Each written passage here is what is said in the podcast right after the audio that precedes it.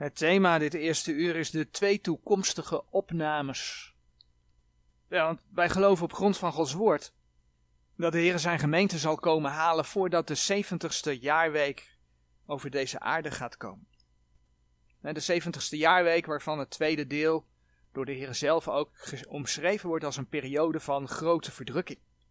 Nou, heel vaak hoor je mensen zeggen, mensen uit de kerken, dat de opname dat het helemaal niet in de Bijbel voorkomt. Maar in de brief aan de gemeente, en dat is het bekende gedeelte over de opname van de gemeente, gaan we even een aantal versen lezen in 1 Thessalonicense 4. Vers 15 tot en met 17. In die brief aan de gemeente lezen we het volgende. 1 Thessalonicense 4 vanaf vers 15. Want dat zeggen wij u door het woord des Heren, dat wij die levend overblijven zullen tot de toekomst des Heren, niet zullen voorkomen degene die ontslapen zijn. Want de Heere zelf zal met een geroep, met de stem des archangels en met de bazuin Gods nederdalen van de hemel, en die in Christus gestorven zijn, zullen eerst opstaan. Daarna wij die levend overgebleven zijn, zullen tezamen met hen opgenomen worden in de wolken de Heere tegemoet in de lucht. En alzo zullen wij altijd met de Heere wezen. Hier lezen we dus dat degenen die in Christus gestorven zijn en degenen die overgebleven zijn, degenen die in Christus zijn, dus dat gaat over de gemeente van de Heer Jezus, anders ben je niet in Christus, dat die opgenomen worden. Ja, wat is het zelfstandig naamwoord bij opgenomen? Dat is opname. Met andere woorden, de opname komt wel degelijk in Gods woord voor, want dat staat onder andere in 1 Thessalonians 4 vers 15 tot en met 17. Dus al die mensen die zeggen, er staat geen opname in de Bijbel, en die moeten gewoon deze versen lezen. Maar er zal dus wel degelijk een opname van de gemeente plaatsvinden, want dit wordt tegen de gemeente gezegd. Het gaat over mensen die in Christus zijn, worden opgenomen. Nou, we gaan het vanmorgen niet zozeer hebben over wanneer de opname zal kunnen plaatsvinden. Daar hebben we onder andere bij stilgestaan in thema's als die hem nu wederhoudt, als je dat terug wilt uh, luisteren. Dat is de boodschap van 9 februari 2020. En in 2021, op 13 juni 2021, hebben we stilgestaan bij Op weg naar de grote verdrukking. Daar hebben we toen bij stilgestaan. Waar we het vanmorgen over willen hebben, is dat er niet één opname is die nog gaat komen maar dat er nog twee toekomstige opnames zijn. De Bijbel spreekt ook over meerdere opnames, ook niet over twee, maar over meerdere opnames. Nou, als we het dan over die twee toekomstige hebben, dan is eigenlijk de vraag vanmorgen, welke is dan die tweede opname die nog gaat komen, naast de opname van de gemeente, waar we het wel vaker over gehad hebben? Dat is belangrijk om te weten zodat je ziet dat niet alle teksten die over een opname gaan, zomaar over, over ons als gemeente gaan moet Gods woord recht snijden. Je kunt niet alle teksten zomaar klakkeloos op jezelf toepassen. Zoals gezegd, in de Bijbel komen we meerdere opnames tegen. Dat begint al in Genesis 5, vers 24. In Genesis 5, vers 24 lezen we over Henoch. Genesis 5, vers 24. Henoch dan wandelde met God en hij was niet meer, want God nam hem weg. Nou, daar staat niet het woordje opname. Daar staat zelfs niet opgenomen worden, maar daar staat wel en God nam hem weg. Alsof je over de opname van de gemeente leest, waar staat dat het in een ogenblik zal gebeuren. Dat is wat er met Henoch gebeurd is. En Henoch is daarmee dan ook een type van de gelovigen in de gemeentetijd. De gelovige in de gemeentetijd die terwijl hij leeft, zal meemaken dat de Heer hem wegneemt hem opneemt, dat hij opgenomen wordt. Maar Henoch was niet de enige die dat overkwam. Denk aan de profeet Elia, dan bladeren we naar 2 Koningen. 2 Koningen 2. 2 Koningen 2 vers 11. En daar lezen we dan wat er gebeurt. En het gebeurde als zij voortgingen, gaande en sprekende. Dat gaat over Elia en Elisa. Ziezo was er een vurige wagen met vurige paarden die tussen hen beide scheiding maakte. Alzo voer Elia met een onweder ten hemel. Elia die werd, die ging naar de hemel. Op een iets andere manier. Er, staat, wordt hier gesproken over eh, wagens en paarden. Een, een wagen met vurige paarden. Maar Elia die ging naar de hemel toe. Terwijl hij leefde. Maar zo hebben we ook Mozes. En misschien dat iemand zegt Mozes, hoezo Mozes? Want Mozes is toch gestorven en door de Heere God begraven? Ja, dat klopt, dat staat in Deuteronomium 34. Laten we dat erbij pakken. Deuteronomium 34. In Deuteronomium 34, vers 5 en 6 lezen we het volgende. Alzo stierf Mozes, de knecht des Heren, al daar in het land van Moab, naar des Heren mond. En hij begroef hem in een dal in het land van Moab, tegenover Bet Peor, en niemand heeft zijn graf geweten tot op deze dag. Dat klopt, dat staat er. Mozes is gestorven en begraven. Maar dan lezen we toch het bijzondere vers in Judas 9. Het ene laatste boek in de Bijbel. Judas 9. Judas vers 9 is dat.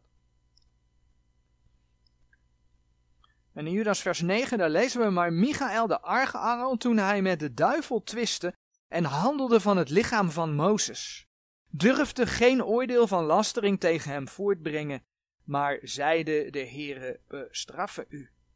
Het gaat me dus om het uh, eerste gedeelte van dat vers, maar Michael de argeangel, toen hij met de duivel twiste en handelde van het lichaam van Mozes. Waarom zou de duivel zich druk maken over het lichaam van een dode Mozes? Mozes was toch gestorven en begraven? Waarom lezen we dan dat, dat, sorry, dat de duivel zich druk maakte over, over het lichaam van Mozes?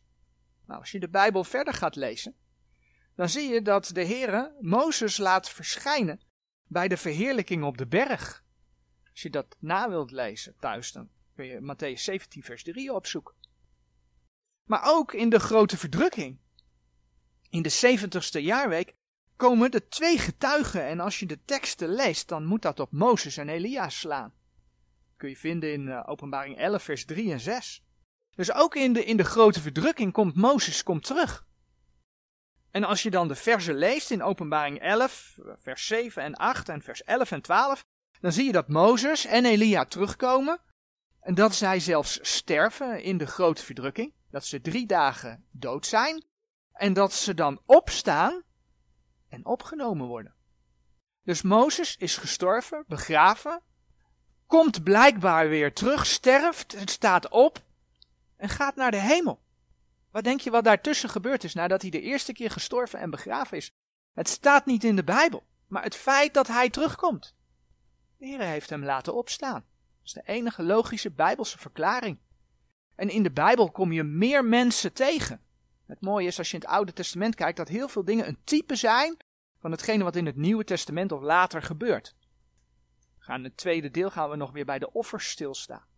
En een type van wat de Heer Jezus gedaan heeft. Maar ook wij kunnen er vandaag de dag lessen uittrekken. Nou, Henoch is een type van de gemeente die opgenomen wordt, die levend achtergebleven zijn. Maar er zijn ook mensen die zijn twee keer gestorven. En die zijn gestorven, opgestaan. Die zijn twee keer gestorven en die zullen dus later weer opstaan. Wat dacht je van het dochtertje van Jairus? Heeft de Heer Jezus opgewekt uit de dood. Wat dacht je van Lazarus? Heeft de Heer Jezus opgewekt uit de dood. Maar die zijn de tweede keer gestorven. Daarmee is Mozes dus een type van dat soort mensen. Dus de enige logische bijbelse verklaring is, ja, Mozes is gestorven en begraven. Maar de Heer laat hem terugkomen. Dat betekent dat hij hem opgewekt heeft en hem in de hemel opgenomen heeft. Als je aan andere opnames denkt, Paulus beschrijft in 2 Korinthe 12 vers 1 tot en met 4 iemand die opgenomen is in de derde hemel. En naar alle waarschijnlijkheid heeft hij daar over zichzelf. Johannes in openbaring 4 vers 1 tot en met 2 beschrijft hoe hij opgenomen is en hoe hij in de hemel is geweest. Dus de Bijbel beschrijft meerdere opnames. Waarom zou de opname niet bijbels zijn? Door de Bijbel heen zie je dat God mensen tot zich neemt. En zo hebben we duidelijk gelezen in de versen van 1 Thessalonicense 4 dat de gemeente opgenomen gaat worden. Dat wordt tegen de gemeente gezegd. Maar er is klaarblijkelijk nog een opname. Zoals gezegd vertellen de gebeurtenissen in het Oude Testament heel vaak iets over de toekomst. Ze zijn profetisch. Profetisch werpen ze een schaduw vooruit. Ze zijn een beeld van, een type. Allemaal verschillende woorden die daarvoor gebruikt worden. Ze laten dus iets zien wat er in de toekomst gaat gebeuren. Je leest dat bijvoorbeeld in Colossense 2, vers 17. Nou, dat geldt ook voor de oogstfeesten. De oogstfeesten die de Heere God in de wet aan het Joodse volk gegeven had. Zo hebben we onlangs nog stilgestaan bij de volheid der heidenen en gezien dat de oogst rijp moest zijn. Nou, niet moest zijn, maar moet zijn, want het gaat nog gebeuren. Als het gaat om de volheid der heidenen, dat de Heer gaat ingrijpen. Maar dat neemt niet weg dat er ook een oogst is waarin de Heer de zijne thuis haalt. De Heer Jezus sprak bijvoorbeeld niet voor niets de volgende verse in Matthäus 9. Matthäus 9, vers 37 en 38. Toen zeide hij tot zijn discipelen: De oogst is wel groot, maar de arbeiders zijn weinige. Bid dan de Heere des oogstes dat hij arbeiders in zijn oogst uitstoten. Hier gaat het dus om mensen die de Heere leren kennen. Nou, het mooie is dat de Heere het oogstfeest in het Oude Testament in drie delen liet plaatsvinden. En je kunt dat vinden in, we gaan niet al die versen lezen, we gaan zo meteen een enkel vers lezen. Maar je kunt dat vinden in Exodus 23, vers 14 tot en met 19. Je kunt dat vinden in Leviticus 23 en in Deuteronomium 16, vers 1 tot en met 17. En we zoeken dan Deuteronomium 16 zoeken op. Het komt erop neer dat de oogst eigenlijk in drie fasen werd binnengehaald. We lezen bijvoorbeeld in Deuteronomium 16, vers 16, het eerste deel van het vers. Driemaal in het jaar zal alles wat mannelijk onder u is voor het aangezicht des Heren uw Gods verschijnen in de plaats die hij verkiezen zal. Op het feest der ongezuurde broden en op het feest der weken en op het feest der loofhutten. Nou, het feest der ongezuurde broden. Als je dat in Leviticus 23 gaat lezen, bijvoorbeeld vers 10 en 11, daar zie je dat dat feest afgesloten werd met het brengen van de eerstelingen, van de oogst aan de Heer. Dan had je het feest der weken, wat bij ons bekend is als het Pinksterfeest, Leviticus 23 vers 15. Dat was het gewone oogstfeest, niet zozeer van de eerstelingen, maar de dingen waren gegroeid, geoogst, en dan ging men dat offeren. Vierde men ook feest. Maar je had ook nog de late oogst, en daar schrijft eh, Leviticus 23, vers 34 over, en Deuteronomium 16, vers 13. Dat, had, uh, dat ging gepaard met het Loofhuttenfeest. En dan had je de inzameling, zoals dat dan geschreven staat in die versen, van de, van de dorsvloer en de wijnpers. En zo had je dus eigenlijk drie perioden waarin de oogst plaatsvond. Het mooie is dat je die driedeling in de schrift ook ziet als het gaat om de opstanding en als het gaat om de opname. Toen bijvoorbeeld, en dan bladeren we naar Matthäus 27. Toen bijvoorbeeld de Heer Jezus stierf. Toen de Heer Jezus stierf, stonden vele oud-testamentische heiligen op. En toen de Heer Jezus opstond, zijn zij ook uit hun graven gegaan, staat er in Gods woord.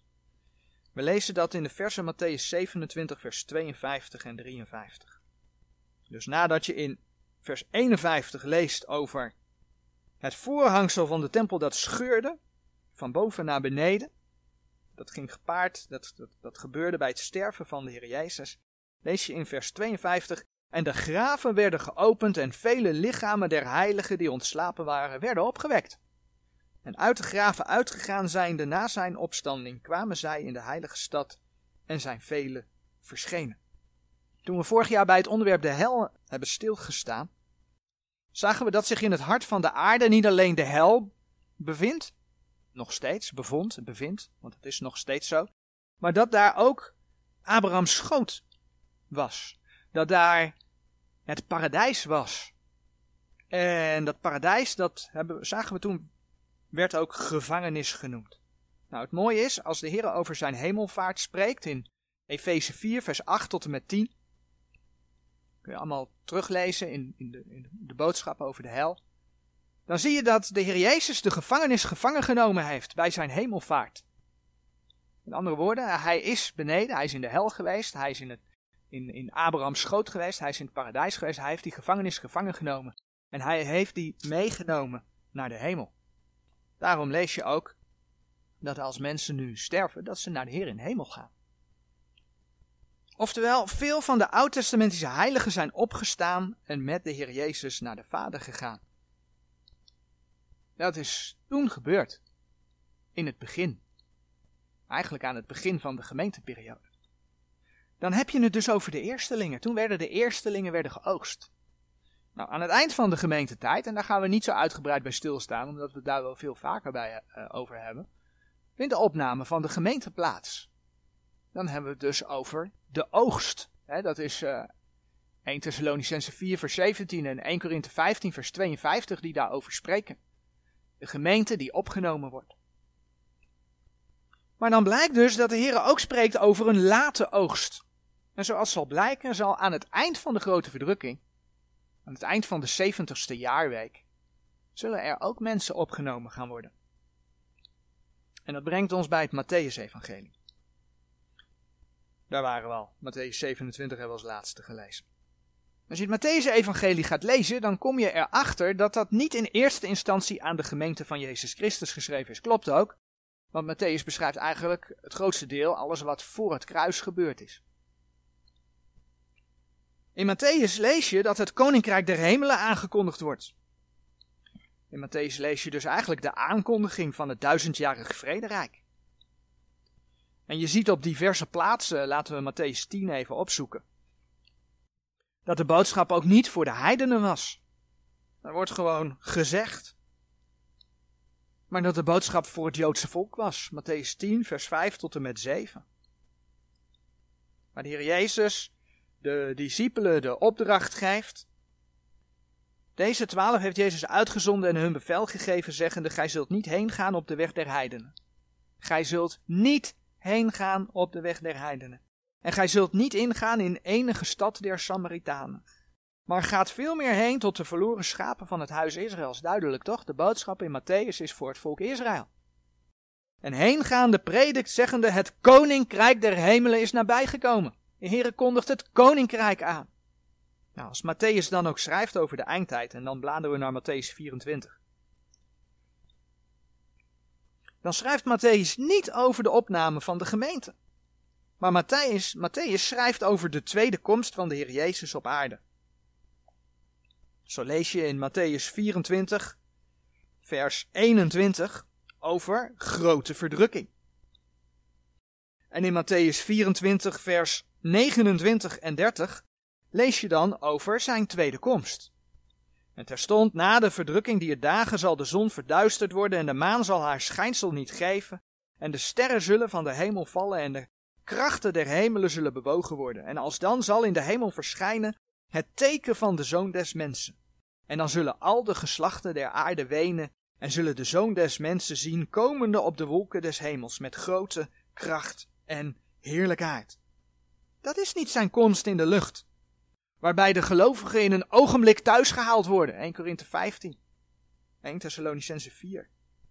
Dit is zijn komst met grote kracht en heerlijkheid. Zijn komst dat hij met zijn voeten zal staan op de olijfberg. Zacharia 14 vers 4. Maar dan komt het, ook in de context van de tweede komst spreekt de Heer over dat hij zijn, de zijnen verzamelt. En dan gaat het niet om de gemeente maar wel om mensen die hem dus blijkbaar in de zeventigste jaarweek gediend hebben. Kijk maar in uh, Matthäus 24, vers 31.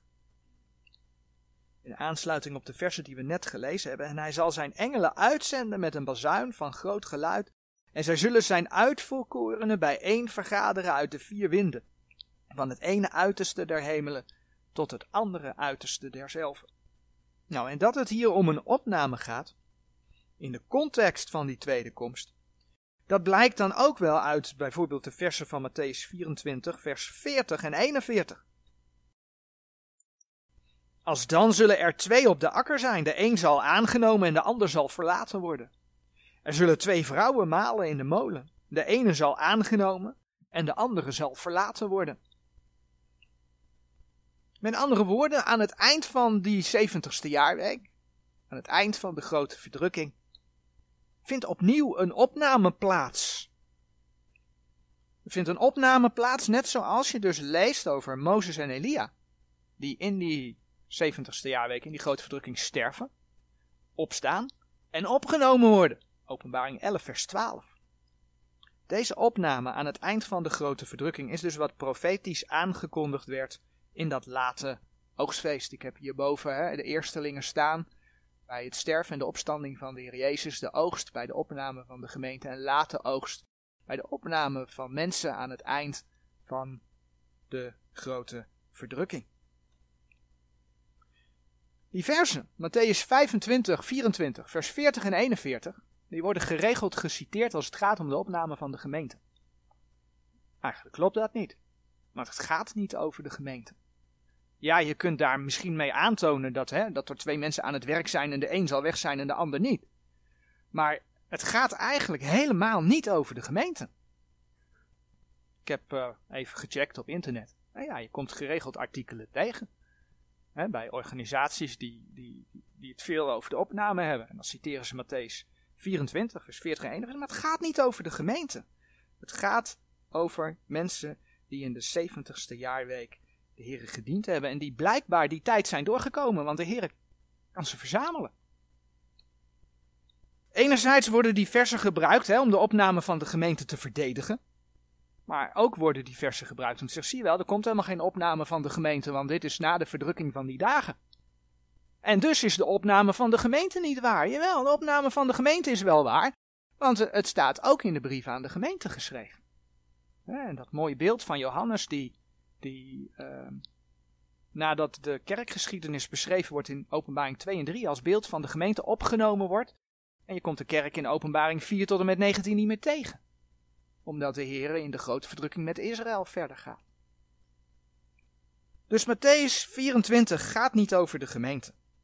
Ook niet over de opname van de gemeente. Deze versen hebben betrekking op mensen aan het eind van de grote verdrukking. Zo zien we dus opnieuw ja, hoe het van belang is om Gods woord recht te snijden. Amen.